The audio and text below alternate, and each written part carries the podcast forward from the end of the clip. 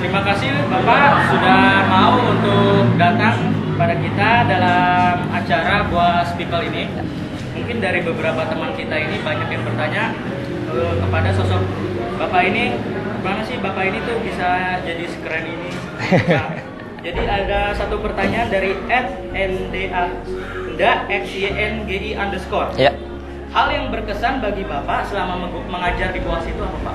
Oke, eh, yang berkesan buat saya pribadi ketika pertama kali ngajar di Borces Asokal Hajar ini atau Boas One, eh, saya melihat ada perbedaan ya, perbedaan karakter anak-anak Borces dengan karakter anak-anak di sekolah yang luar seperti itu. Eh, yang membuat eh, saya semakin apa namanya eh, nyaman dan comfort ngajar di Borces ini adalah tingkah laku ya, tingkah laku anak-anak yang kadang bikin kesel gitu, kadang bikin eh, senang, bikin sedih dan sebagainya yang itu eh, bagi saya adalah eh, suatu hal yang menarik buat saya. Seperti itu. Baik, Pak. Ada satu lagi dari Ed Vida Dewe. Dia bertanya, siapa motivator yang bikin Bapak bertekad untuk menjadi guru? Iya, eh, sebenarnya basic dari pendidikan saya kan bukan guru, ya dari eh, sarjana hukum gitu.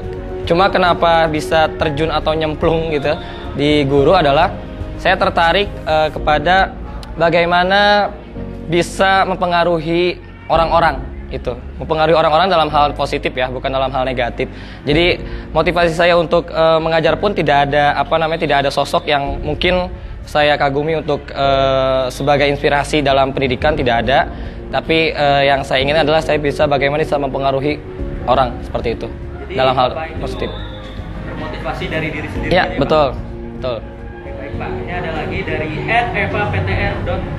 Ya. Pak, bagaimana cara sukses di usia yang masih muda, Pak?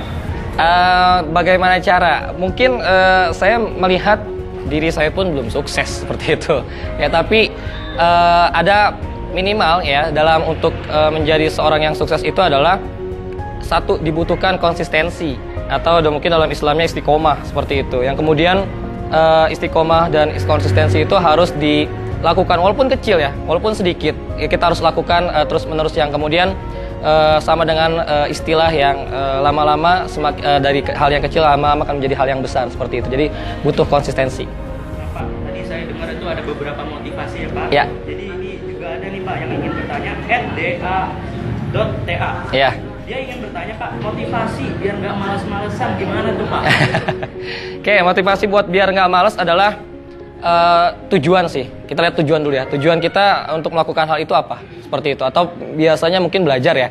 Anak-anak kenapa belajar? Mungkin karena mereka merasa tertekan. Mereka ada tekanan dari orang tua, tekanan dari apa namanya guru, tekanan dari orang-orang sekitar dan sebagainya sehingga mereka merasa tidak nyaman. Jadi dengan adanya ketidaknyamanan kemudian membuat mereka malas seperti itu. Jadi intinya adalah harus eh, teman-teman eh, rubah tujuan. Tujuannya apa untuk sekolah, tujuannya apa untuk belajar dan sebagainya. Jangan sampai tujuannya kemudian akhirnya karena orang tua bukan karena diri sendiri. Jadi untuk biar nggak malas adalah eh, bagaimana kita memulai ya hal yang kecil dari diri sendiri agar tadinya eh, tidak terjadi hawa-hawa malas yang kemudian menghambat ya kesuksesan dari teman-teman sendiri seperti itu. Jadi kita itu uh, dari dulu itu harusnya punya motivasi Iya, untuk diri sendiri. ya, betul motivasi untuk diri sendiri. Jadi ada lagi nih satu dari Ah. Ed Nadia Putri. Motiva- motivasi belajar biar nggak cepet bosan dan makin semangat lagi belajarnya? Masih sama seperti yang tadi ya pertanyaannya. Ehm, kalau untuk saya pribadi ya, ini untuk saya pribadi. Kenapa ada motivasi? Karena eh, saya nggak mau jadi orang yang tertinggal dalam hal ilmu pengetahuan. Jadi saya harus mengupdate terus eh, knowledge gitu ya pengetahuan. Kemudian eh, jangan sampai saya dibilang orang yang jadul atau orang yang eh, kudet, kurang update dan sebagainya. Nah, justru dari hal itulah yang kemudian membuat saya terus harus belajar, harus berpendidikan dan menghilangkan eh, kebodohan di dalam diri kita sendiri. Seperti itu. Ada lagi dari Ed Fadil Salsa. Ah, Selama Bapak mengajar di Borges ini, Iya. hal apa yang paling Bapak nggak bisa lupain saat mengajar?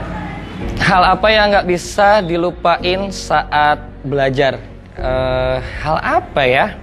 Eh, paling ketika apa namanya eh, bercengkrama, artinya eh, ngobrol sama anak-anak gitu. Jadi bagi saya profesi guru ini bukan hanya sebatas mengajarkan eh, pengetahuan, tapi bagi saya ini adalah hal bagaimana kita bisa eh, mengetahui karakter dan sifat manusia seperti itu atau karakter si anak-anak tersebut yang sehingga bagi saya itu tidak akan pernah saya lupakan. Ya untuk eh, apa namanya tadi balik lagi ke apa namanya dari dia misalnya eh, lucunya gitu ya kadang suka ada yang bikin ketawa gitu ada yang bikin eh, kita yang tadinya bad mood menjadi good mood dan sebagainya seperti itu Bapak kan di sini sudah mengajar cukup lama ya Pak? Ya.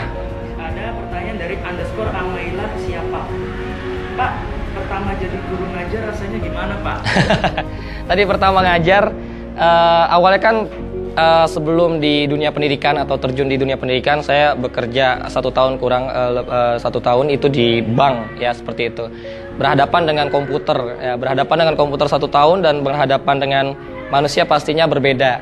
Pertama kali yang saya rasakan ya saya merasa senang gitu ada di antara anak-anak atau di depan anak-anak yang kemudian bisa memberikan eh, pengetahuan memberikan dan mengajarkan eh, ilmu kepada mereka sehingga itu menjadi motivasi diri buat saya sendiri yang kemudian akhirnya eh, ini menjadi eh, semangat ya semangat tersendiri buat eh, diri saya untuk terus mengupdate ilmu pengetahuan seperti itu Terima kasih Ya. Bapak udah mau datang kepada kita ini Betul. untuk memenuhi acara Buas People ini. Ya. Sekali lagi kita mengucapkan terima kasih ya, Ya, Pak. sama-sama. Waktunya Betul. bersama kami. Ya. Sekian Pak. ya